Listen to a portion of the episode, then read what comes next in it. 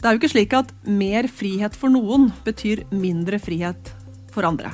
Nei, tvert imot så er det slik at ingen er helt fri før alle er fri. Hvordan ser kultur- og likestillingsminister Anette Trettebergstuen på tilstanden i det skeive Norge i 2022? Hvor langt har vi kommet på 50 år, og hvilke kamper gjenstår? Og hva gjør terror, krig og pandemi med ytringsfrihet, likestilling og det kulturelle mangfoldet? Dette er åpningsforedraget fra Kapittelfestivalen 2022 på Sølvberget. Og aller først Mariam Idris som leser fra antologien Utenforskapet, som ble lansert på Kapittel i samarbeid med Klassekampen. Det er altså et essay fra Utenforskapet. Folly betyr idioti. Innen hagearkitektur er det en betegnelse på et ekstravagant og meningsløst byggverk som skal imitere nytteverdi eller alder. Hodsens Folly er et godt eksempel. Det er et lite tempel i gammelgresk stil bygga i 1897 av John Hodson, bygningsarbeider ved universitetet i Cambridge. Det har aldri vært helt eller nytt. Det ble ikke bygga for bønn, men et tilfluktssted for Hodson, hvor han holdt et øye med dattera si da hun bada i elva. Nå står Hodsons Folly bare til pynt og til dekke for regnet. Jeg tenker på Hodsons Folly i månedene før jeg skal reise på researchtur i Mellom-Amerika. Året er 2022, og skapet, den symboltunge strukturen jeg sjøl var i, og vi så visstnok forlot, er en folly nå. Den ligner en ruin, men den er ikke gammel. Jeg er der ofte. Det som en gang var et tempel, er noe annet nå. Grenseoverganger. Jeg er på flyplassen JFK i New York. Jeg har mellomlanda på vei til Puerto Rico og St. Croix i Karibia, det som en gang var dansk-norsk koloni. Jeg har grua meg helt siden det ble klart at jeg kunne reise. Jeg er ikke redd for at flyet skal dette ned, men for grenseoverganger og sikkerhetskontroller. Til dels har jeg arva redselen min fra en far som flykta, men frykten er ikke bare arvegods og handler ikke bare om etnisitet. Den er et resultat av flere ubehagelige opplevelser på grensa. Slike øyeblikk, f.eks.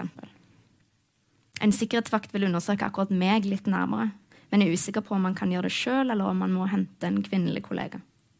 Han bestemmer seg for å hente en kvinnelig kollega, men hun ser så ille berørt ut at jeg nesten skulle ønske det var han.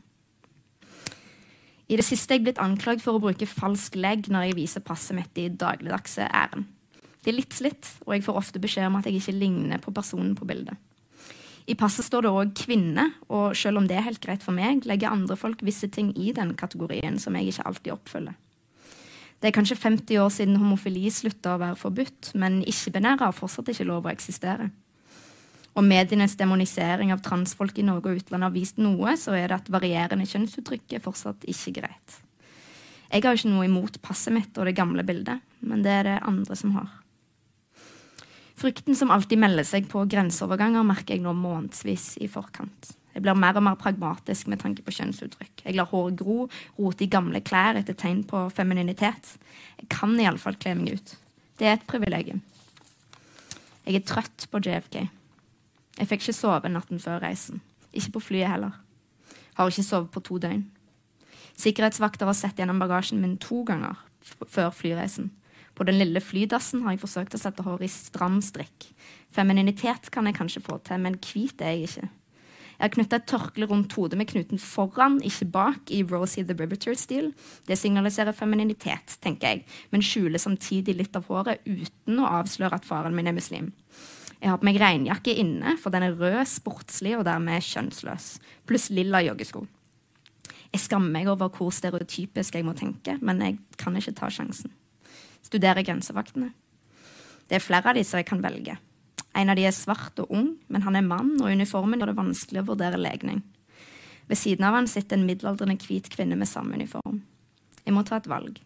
Lar én, to, tre reisende gå forbi og velge den unge, svarte mannen. Han ser på passet, ser på meg og bestemmer seg for at opplysningene stemmer. Han spør hva jeg har å gjøre i USA, jeg sier ferie, selv om det ikke er helt sant. Jeg er her for å gjøre research, men hva om han tror research betyr jobb? Jeg har jo ikke arbeidstillatelse. Enklere å lyve, selv om han sikkert ser løgnen i ansiktet mitt. Eller gjør han det? Jeg passerer, går videre og gjennom. Jeg puster med magen og tenker det er over nå. Haiketurer. I San Juan var planen å gå rett til frisøren, men selv om jeg er over grensa, er jeg fortsatt på reise. Jeg skal fly til St. Croix og så tilbake igjen. Jeg må vise passet mitt der òg. Jeg sitter på hostell og søker på barbersjapper nær meg, men dropper det. Folk behandler meg annerledes nå. Uniformerte menn på flyplassen hjelper meg med å fylle ut skjema. Fremmede folk er mindre mistenksomme. Hyggelige, faktisk. Når du som meg så skrevs mellom to etnisiteter og to kjønnsuttrykk, betyr hår veldig mye. Folk flest ligner på meg her. Da trenger jeg kanskje ikke um, bekymre meg for etnisitet før hjemturen. Kan det nye kjønnsuttrykket mitt kanskje være et nyttig verktøy? Jeg holder vel ut å være streit i halvannen uke til. En gruppe ferierende amerikanske ungdommer spør om jeg har noen hobbyer. Jeg holder på å lære meg å mekke sykkel, sier jeg. Ja, at du ser ut som du mekker sykkel, sier en av jentene. Da jeg ankommer øya St. Croix, er jeg takknemlig for at jeg droppa frisøren. Øya er ikke større enn 210 kvadratkilometer, men jeg må komme meg til St. Croix Landmark Society, til flere ruiner og museer. Taxinæringen viser seg å være forbeholdt eh, cruiseskipturister. Ingen av de tar telefonen, og jeg kjører ikke bil. Jeg må legge inn tre ekstra timer i reisetid hver dag for å haike fram og tilbake på øya. Kjønnsuttrykk blir et verktøy og en kunst. Hvilke klær får fremmede menn til å kjøre meg halvtimen fra Fredrikssted til Kristiansted? Skapet er en ruin jeg fortsatt besøker.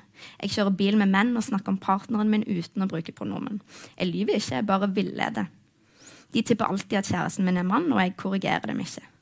Skapet er en ruin, men det er ikke gammelt. I løpet av noen dager møter jeg en mann som ser han vil vise meg rundt på øya. Han elsker sin Croix mer enn alt og jobber som altmuligmann for en familie som fortsatt har en dansk-norsk sukkermølle i hagen. Jeg er usikker, men jeg takker ja. Jeg liker han. Historien hans er spennende. Han tar meg med på stranda, vi spiser taco og drikker rom, jeg snakker om kjæresten uten pronomen. I bilen hans på vei til gården mot, med sukkermøller begynner han å snakke om hvor mye han hater homofile.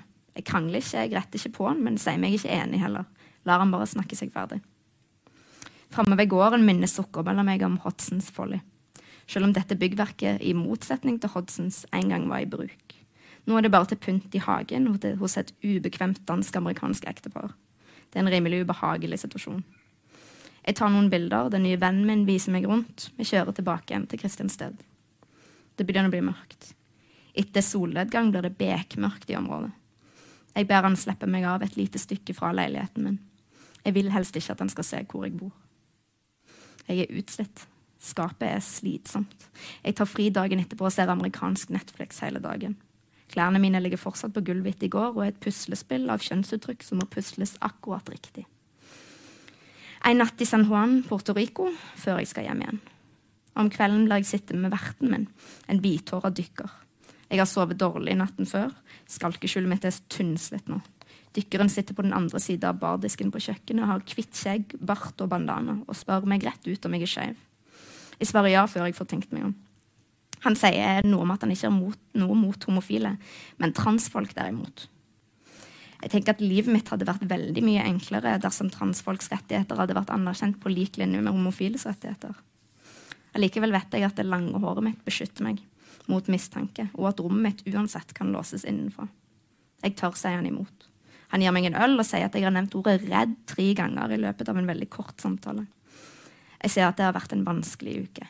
Researcharbeidet har gått til hodet på meg. Og dessuten er jeg visst redd for å fly. Jeg har et pragmatisk forhold til skapet. I etterkant av reisen ler jeg av hvor lett det er å manipulere folk sitt inntrykk av meg. Men det koster noe. Tusen takk.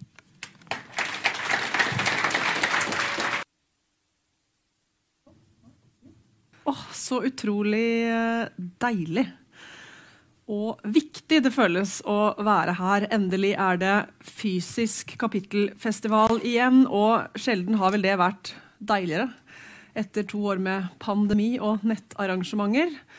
Um, enn nå, å endelig kunne møtes fysisk. Uh, det er jo sjelden vært viktigere heller, tenker jeg, å møtes til en litteratur- og ytringsfrihetsfestival enn akkurat nå. Eh, med den verden vi ser utspille seg rundt oss. Der folks frihet, og også retten til å være den man er, retten til å ytre seg, er trua fra mange hold. Da er litteraturen, bøkene, så enormt viktige. Bøkene er jo sjølve livet det å få oppleve det å dukke inn i ei bok, miste tid og sted, eh, reise i tankene til ja, tilbake i tid eller fram i tid eller til fjerne strøk. Eh, få opplevelsen av å se ting med nye øyne. Ei bok som setter seg i sjela. Det fins vel ingenting som er bedre enn det. Første gang jeg forelska meg i bøker, det som var min vei inn i å bli en bokelsker med stor leselyst, det var da jeg eh, fant ut at det var mye morsommere å sykle opp til Vang bibliotek på Ridabu i Hamar enn det var å løpe rundt på Løkka og leke og, spille fotball med gutta. Biblioteket var åpent, det var en utrolig flott, fargerik sofa der. Det var vennlige damer som jobba der, og det var der jeg traff han. Den lille, tynne, pinglete gutten som får buksevann på skolen hver eneste dag. Noen av dere vet sikkert hvilken bok jeg snakker om, og har gutten jeg falt pladask for, og som har definert mye av mitt liv. Han het Ivan Larsson, og han ble kalt for Gummitarsan. Han kunne jeg identifisere meg med. Jeg var også litt sånn tynn og pinglete. Jeg leste Gummitarsan-boka på nytt for ikke så lenge siden, for jeg har den jo eh, hjemme. Og det slo meg at hvis den hadde blitt utgitt i dag, så ville den kanskje vært litt oppsikt. Den er jo ganske rå og brutal. Det er mye mobbing og neseblod og, og buksevann.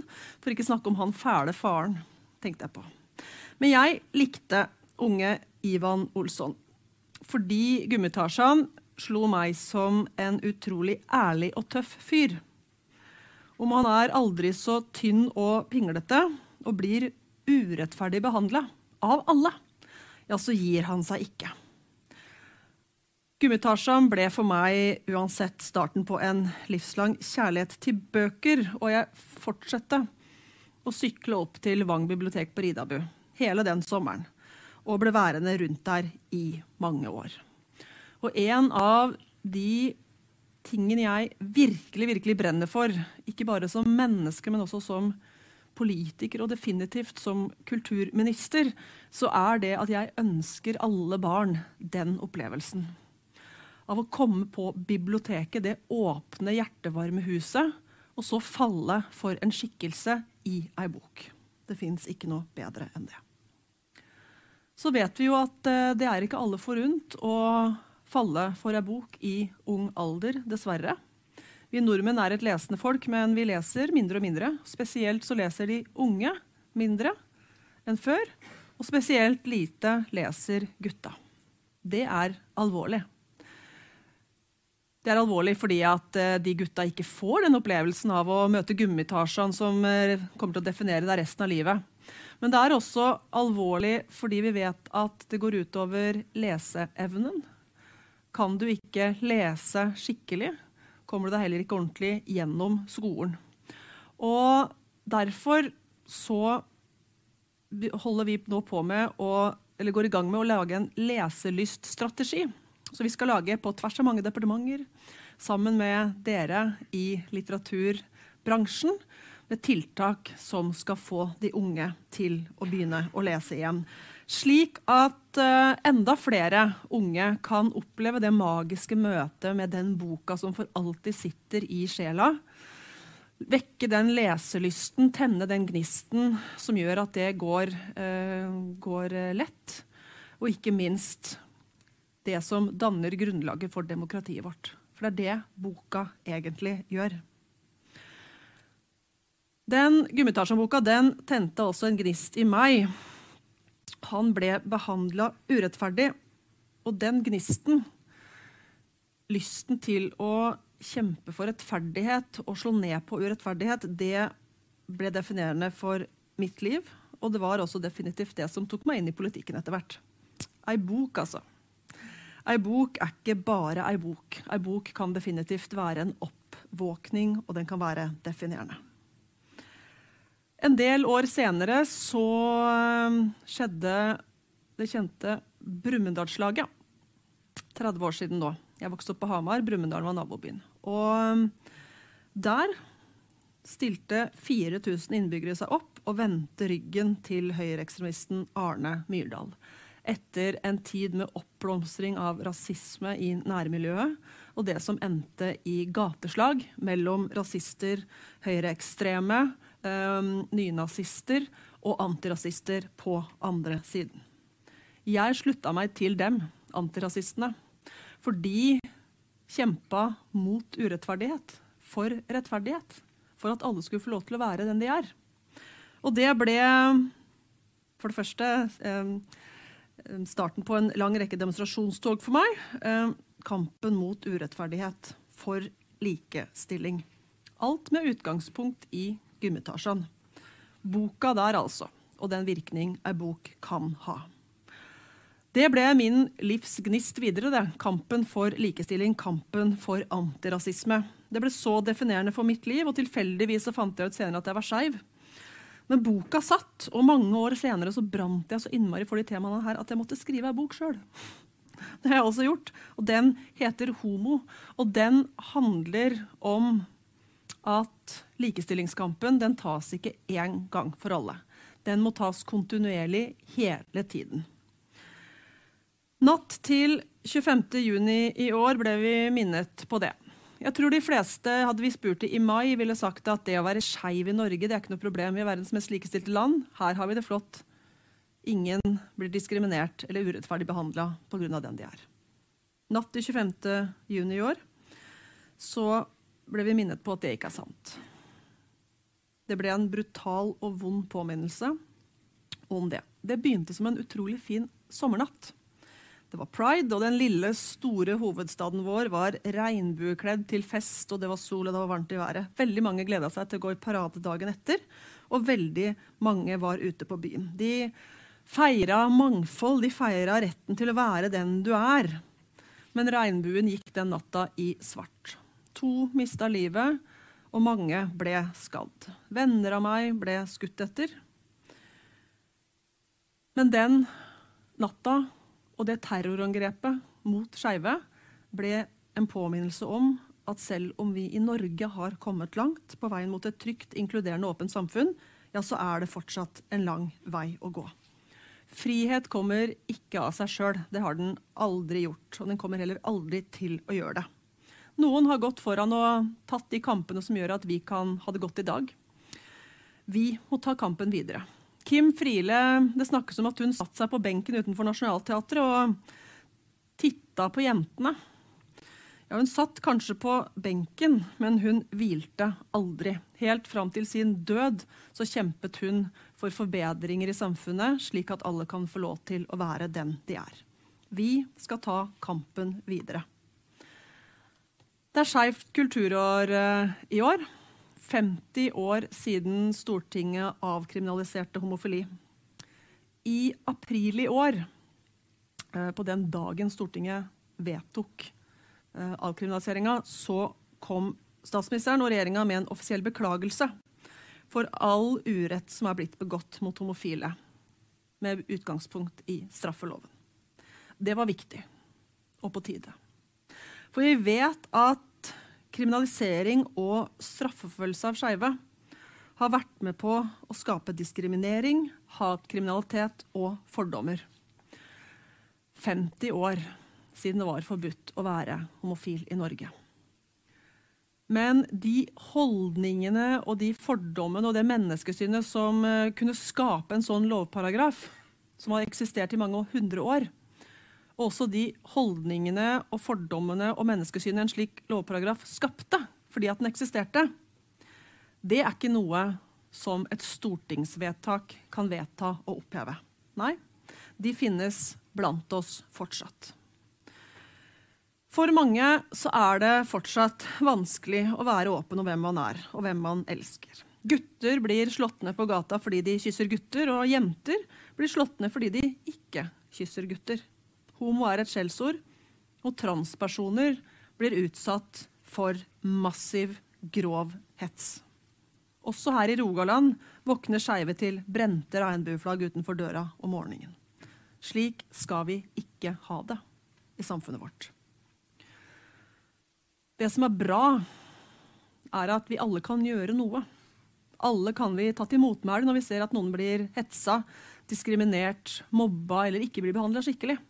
Enten det er eh, på bussholdeplassen, rundt kantinebordet, i skolegården eller på nett. Der terskelen kanskje er lavest for å ytre seg. Så skal vi som representerer myndighetene, gjøre det vi kan. 24 timer før terrorangrepet 25.6 la jeg fram et lovforslag på høring om å forby såkalt konverteringsterapi.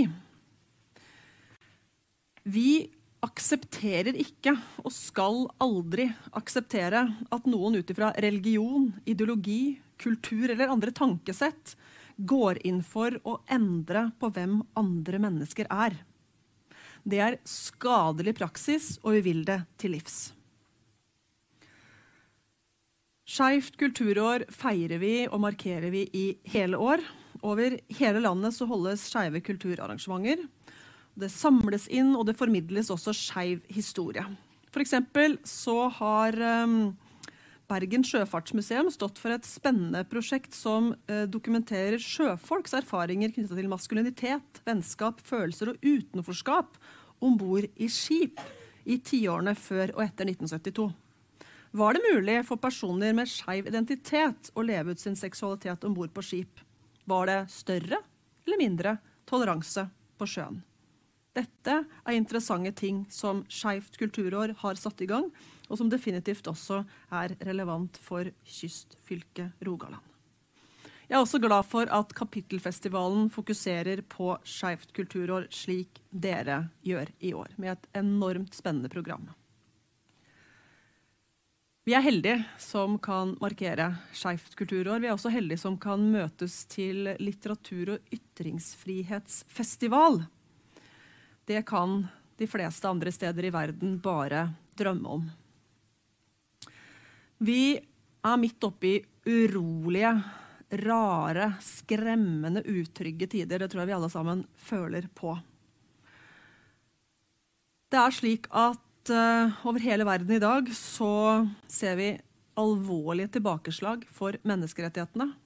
Spesielt kvinners rettigheter, kvinners uh, reproduktive rettigheter, minoriteters og skeives grunnleggende menneskerettigheter blir angrepet hver eneste dag. Det er et brudd på en utvikling der vi lenge trodde at disse tingene kom til å gå i riktig retning. Det gjør det ikke. Stadig flere må betale en skrekkelig høy pris for noe så grunnleggende som å få lov til å være seg selv eller å få lov til å ytre seg fritt. Salman Rushdie ble knivstukket i august.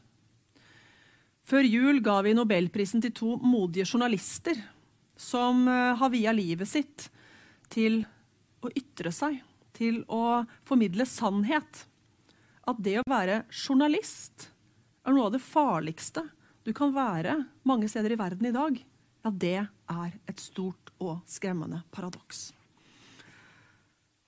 I den tiden vi er inne i nå, med krig, med brudd på menneskerettigheter, med nasjonalstater som ønsker å være med seg selv, så er det viktig at vi som kan, står tydelig opp for menneskerettighetene, for frihet og for mangfold verdier som kommer oss alle til gode. Det er jo ikke slik at mer frihet for noen betyr mindre frihet for andre. Nei, tvert imot så er det slik at ingen er helt fri før alle er fri. Og ingen skal måtte stå aleine i kampen for frihet.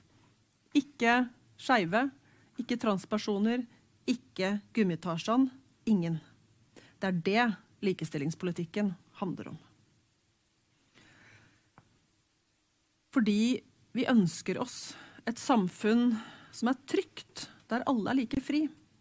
Et samfunn som har plass til alle og ser verdien av at alle får delta. Et samfunn som er godt, er et samfunn der alle har like muligheter til å leve akkurat slik de ønsker. Disse målene gjelder i høyeste grad også for kunsten og kulturen. Og kunsten og kulturen er avgjørende for å kunne skape et slikt samfunn. Kunst og kultur er eh, både avkobling, noe vi gjør når vi skal kose oss, kanskje slenge oss på sofaen og se en film eller en dokumentar, gå på kino, se et morsomt teaterstykke. slappe av litt, unne oss noe. Men det er også i høyeste grad påkobling. Kunsten og kulturen får oss til å se ting med nye øyne, tenke tanker vi ikke har tenkt før. Den snakker på tvers av alle språk. Den er en forutsetning for demokratiet. Den er ytring, enten det er bok eller billedkunst. Som kulturminister så er mitt mål at uh, alle over hele landet skal ha tilgang til et åpent, inkluderende, mangfoldig kunst- og kulturliv. Alle skal også ha muligheten til å delta i kultur og kunst, uavhengig av hvem de er og hvor de bor. Ingen unger skal holdes utenfor fordi at mamma eller pappa ikke har høy nok lønn. Kunsten og kulturen er livsviktig. Og når jeg tenker på kunsten og kulturens rolle, så tenker jeg ofte på et dikt som jeg er veldig glad i. Vi fra Innlandet vi har mange diktere å være stolte av, men Hans Børli er liksom litt høyt oppe på den lista for meg. Han skriver Ett er nødvendig her i denne vår vanskelige verden av husville og heimløse.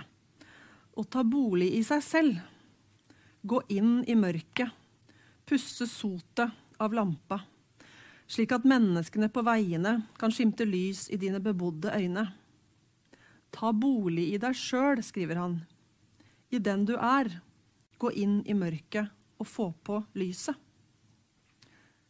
Jeg liker å tenke at det er det kunsten og kulturen gjør. Kunsten og kulturen er den eh, lampa som skrus på i oss sjøl, som gjør at vi kan se hvem vi er, hvem vi kan bli, hvem andre er gnisten som vekkes. Enten det er billedkunsten, filmen eller boka. Gnisten som gjør at vi kan se verden og hverandre med nye blikk. Skape nye, små og store fellesskap. Å lese det er å, tenke med en annens hode, sier Schopenhauer. Det gjelder all kultur. Den åpner dører inn til andre. Den er grenseløs bortenfor kropp og språk, bortenfor tid og sted. Kunsten kan være vakker, tankevekkende, underholdende, opplysende, bevegende. Og den skaper som jeg sa, både avkobling og påkobling. Den skaper debatt og er et bakteppe for sosiale møteplasser. Men også feider, provokasjon, og den skal opprøre. Den skaper brudd, og dermed skaper den også veier videre. Stavanger er eh, friby, og det skal dere være enormt stolte av. Jeg er stolt over at dere er det.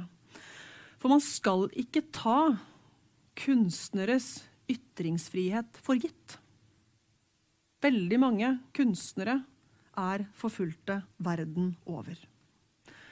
Og selv om vi er et av verdens eh, mest likestilte land med høy grad av ytringsfrihet og pressefrihet osv., så, videre, så skal vi også verne om og ta vare på den når vi ser negative trender. Som f.eks. under hele debatten om teaterstykket 'Ways of Seeing', som skapte ramaskrik, og også politikere som gikk ut og mente at kunstnerne de kunne sensurere seg selv lite grann. Like viktig som at alle skal få delta innen kunsten og kulturen, er det at det finnes et kulturtilbud som oppleves relevant for alle mennesker der ute. Sjøl om vi vil at alle skal ha tilgang til kunst og kultur, så betyr jo ikke det at all kunst skal produseres med mål om å nå flest mulig.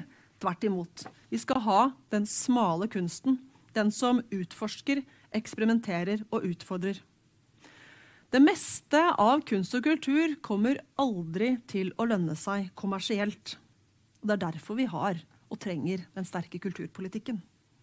Skulle vi bare satsa på den lønnsomme delen av kulturen, ja, da hadde vi blitt stående fattige igjen som nasjon og som kulturfellesskap og som mennesker.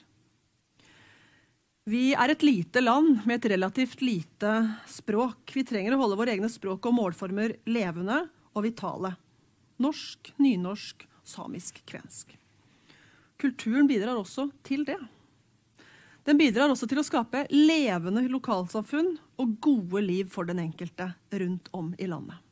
Og jeg tror at alle fikk opp øynene for kunsten og kulturens verdi i livet og i hverdagen da landet plutselig stengte ned. Og de som eh, lever av at folk skal møtes, eh, måtte gå hjem fra jobb, stenge scener og tømme saler.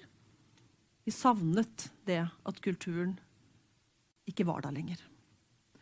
Og Slik sett så håper jeg at det aldri framover blir nødvendig å ta debatten om hvorfor kunst og kultur er viktig. Kunsten og kulturen er viktig. Og hva er den for noe, egentlig? Jo, den er alt fra den jenta som lærer å spille klarinett av en engasjert kulturskolelærer her på kysten et sted. Eller de tusenvis av glade korsangere som hver eneste uke møter opp på grendehus og kulturhus for å klemme til og gi sitt beste til julekonserten i år som i fjor. Det er Daniel, han som har øvd på de høye partiene i, O helga natt helt siden sist, vet du. Men aldri når helt tonen. Og det er så enormt mye mer. Helt til de store stjernene våre med Renate Reinsve og Joakim Trier som reiser til Hollywood og nesten vinner en Oscar. Det er bredde, og det er elite, også i kunsten. Men det er dessverre slik at ikke alle stiller likt fra start når det gjelder Kultur-Norge i dag. Det er et klasseskille innenfor kulturen som vi må ikke bare snakke om, men også gjøre noe med. Bosted, oppvekst, økonomi. Alt dette har stor betydning for hvor mye eller om du konsumerer kultur, og hvor ofte. Jeg ønsker å nå flere av dem som aldri går på teater eller aldri går på kunstutstilling. Men vi ser også at det ikke er likegyldig hva slags bakgrunn en regissør eller forfatter eller musiker har. Vi må gjøre alvor av fine ord om representasjon og mangfold. Og vi trenger å styrke kunstnerøkonomien. Det betyr at eh, kunstnere, som alle andre, er arbeidsfolk. Og de skal behandles som arbeidsfolk. De skal ha lønn for jobben, de skal ha rettigheter og levelige vilkår. Pensjon og feriepenger og status som alle andre. Pandemien viste oss hvor enormt sårbar det lappeteppet av økonomi som mange innenfor kunsten og kulturen står i. Av og til så leser vi om eh, kunstnere som har blitt tilbudt å komme steder og spille en låt eller eh, lese et dikt, eh, og litt gratis, for da kan du jo komme og vise deg fram litt. Ja, man kan jo det. Men man ville aldri bedt en kokk om å komme til et stort selskap og lage mat for å vise seg fram litt. Og de inviterer heller ikke en rørlegger hjem for å legge opplegg til vaskemaskina, sånn at han kan vise seg fram litt. Nei, de får betalt for arbeidet. Kunstnere og kulturarbeidere er ikke folk som driver med hobbyen sin, de driver med ærlig arbeid. Og skal behandles som det. Bøkene. Vi har akkurat lagt fram et forslag til boklov ut på høring. Hva handler det om? regulering av bokbransjen, fastpris, rabattgrenser, kjedelige og mange paragrafer. Er det det det handler om? Nei, det er ikke det det handler om. Det består av paragrafer og handler om regulering og rabattmuligheter og fastpris osv. Men det er en lov for å sikre demokratiet vårt og ytringsfriheten.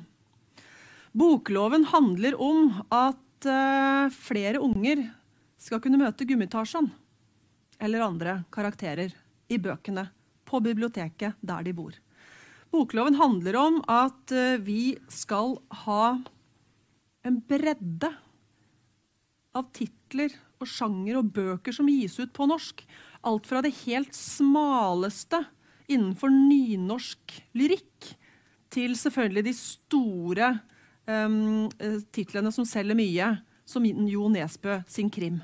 Og alt det som fins imellom. Det som ikke lønner seg, men som er viktig, og det som lønner seg. Det skal vi ha. Samtidig som skal være, de skal være tilgjengelig for folk på bibliotekene, der du kan låne det gratis, eller i boksjappene, enten du bor i Stavanger, Bergen, Bergen, Oslo, eller på Otta eller på Hamar. Forfatterne som skriver disse bøkene, som beriker livene våre, og som uh, sørger for å holde språket vårt i live, ja, de skal ha betalt. Det er det bokloven handler om. Sjøl er en av de favorittingene jeg kan gjøre, gjerne på en helg eller noe jeg har god tid, er å gå inn i en bokhandel og møte en dedikert fagperson som tar meg imot. Eller på biblioteket. En sånn engasjert bokvenn som kan faget, og som sier at å ja, hvis du likte den boka der, da kommer du garantert til å like den her. Prøv den der. Og så tenker du mm, ser ikke ut som noe for meg, men så tar du den med hjem allikevel, og så viser det seg at det ble boka som også satte seg i sjela. Det er jo en fantastisk stor kulturopplevelse, dere. Det er det bokloven handler om. Og som alle andre områder i samfunnet vårt, så er jo ikke boka heller freda for teknologisk utvikling. Ei bok er ikke bare ei bok lenger. Det er ikke bare ark mellom permer. Det er også lydbøker, og det er på um, andre plattformer. Man strømmer bøker og leser de på skjerm. Det er også bokloven til for å sikre at også den type bokformat skal være tilgjengelig for alle.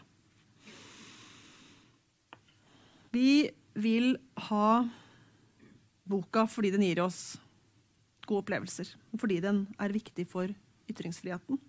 Viktig for debatten. Ytringsfrihetskommisjonen har akkurat kommet med sin eh, NOU og sier litt om ståa for den norske ytringsfriheten. Og ikke overraskende så fastslår den at ytringsfriheten står sterkt i Norge. Men opplevelsen av ytringsrommet er det mange som syns blir smalere og smalere. Veldig mange, spesielt unge jenter, ønsker ikke å ytre seg fordi de er redd for netthets. Det er farlig for demokratiet vårt. Samtidig ser vi at uh, hva vi leser og hva vi får av nyheter og sannhet, reguleres av de store tech-gigantene som Facebook og Google osv. Og, og opererer som ekkokamre som tar ned innhold fra redaktørstyrte frie medier og promoterer hatprat. Kampen for å regulere nettopp tech-gigantene handler også om det. Ytringsfrihet og demokrati. Som boklov, som bibliotekstrategi og som leselyststrategi. Det handler om hva slags fellesskap, hva slags samfunn vi vil ha. Det er det litteratur og kultur og likestillingspolitikken handler om. Det handler om å gå inn i mørket og skru på lyset. Om å få muligheten til å møte den boka som sitter i oss. Helt til slutt så skal jeg også fortelle et annet eksempel på at bøkene kan sette seg. Det foregår en grusom angrepskrig i Ukraina. Hver eneste gang jeg hører ordet Ukraina eller leser det, så tenker jeg helt automatisk på en pingvin. Det høres veldig rart ut, men det har en forklaring. Det er fordi at jeg i 2000 leste en bok som heter 'Døden og pingvinen' kom over den helt tilfeldig. Den er skrevet av Andrej Kurkov. og Den handler om Viktor, som eh, rett etter Sovjetunionens fall um, rusler rundt i Kiev og har det ganske stusslig. Men han har en venn, og det er pingvinen Misha, som han kjøpte fra dyrehagen da den også skulle selges på det åpne markedet. Viktor jobber med å skrive nekrologer om folk som er i levende live, for de skal jo snart dø. Les den boka. Men boka setter seg, og hver gang jeg hører ordet Ukraina, kommer pingvinen i pannebrasken på meg. Andrej Kurkov kommer hit til Stavanger. Han er en av de mest kjente ukrainske forfatterne. Han er forfulgt. Han er en viktig stemme i kampen for ytringsfrihet og frihet. Jeg anbefaler dere alle sammen å gå og høre på han. Ha en fantastisk festival.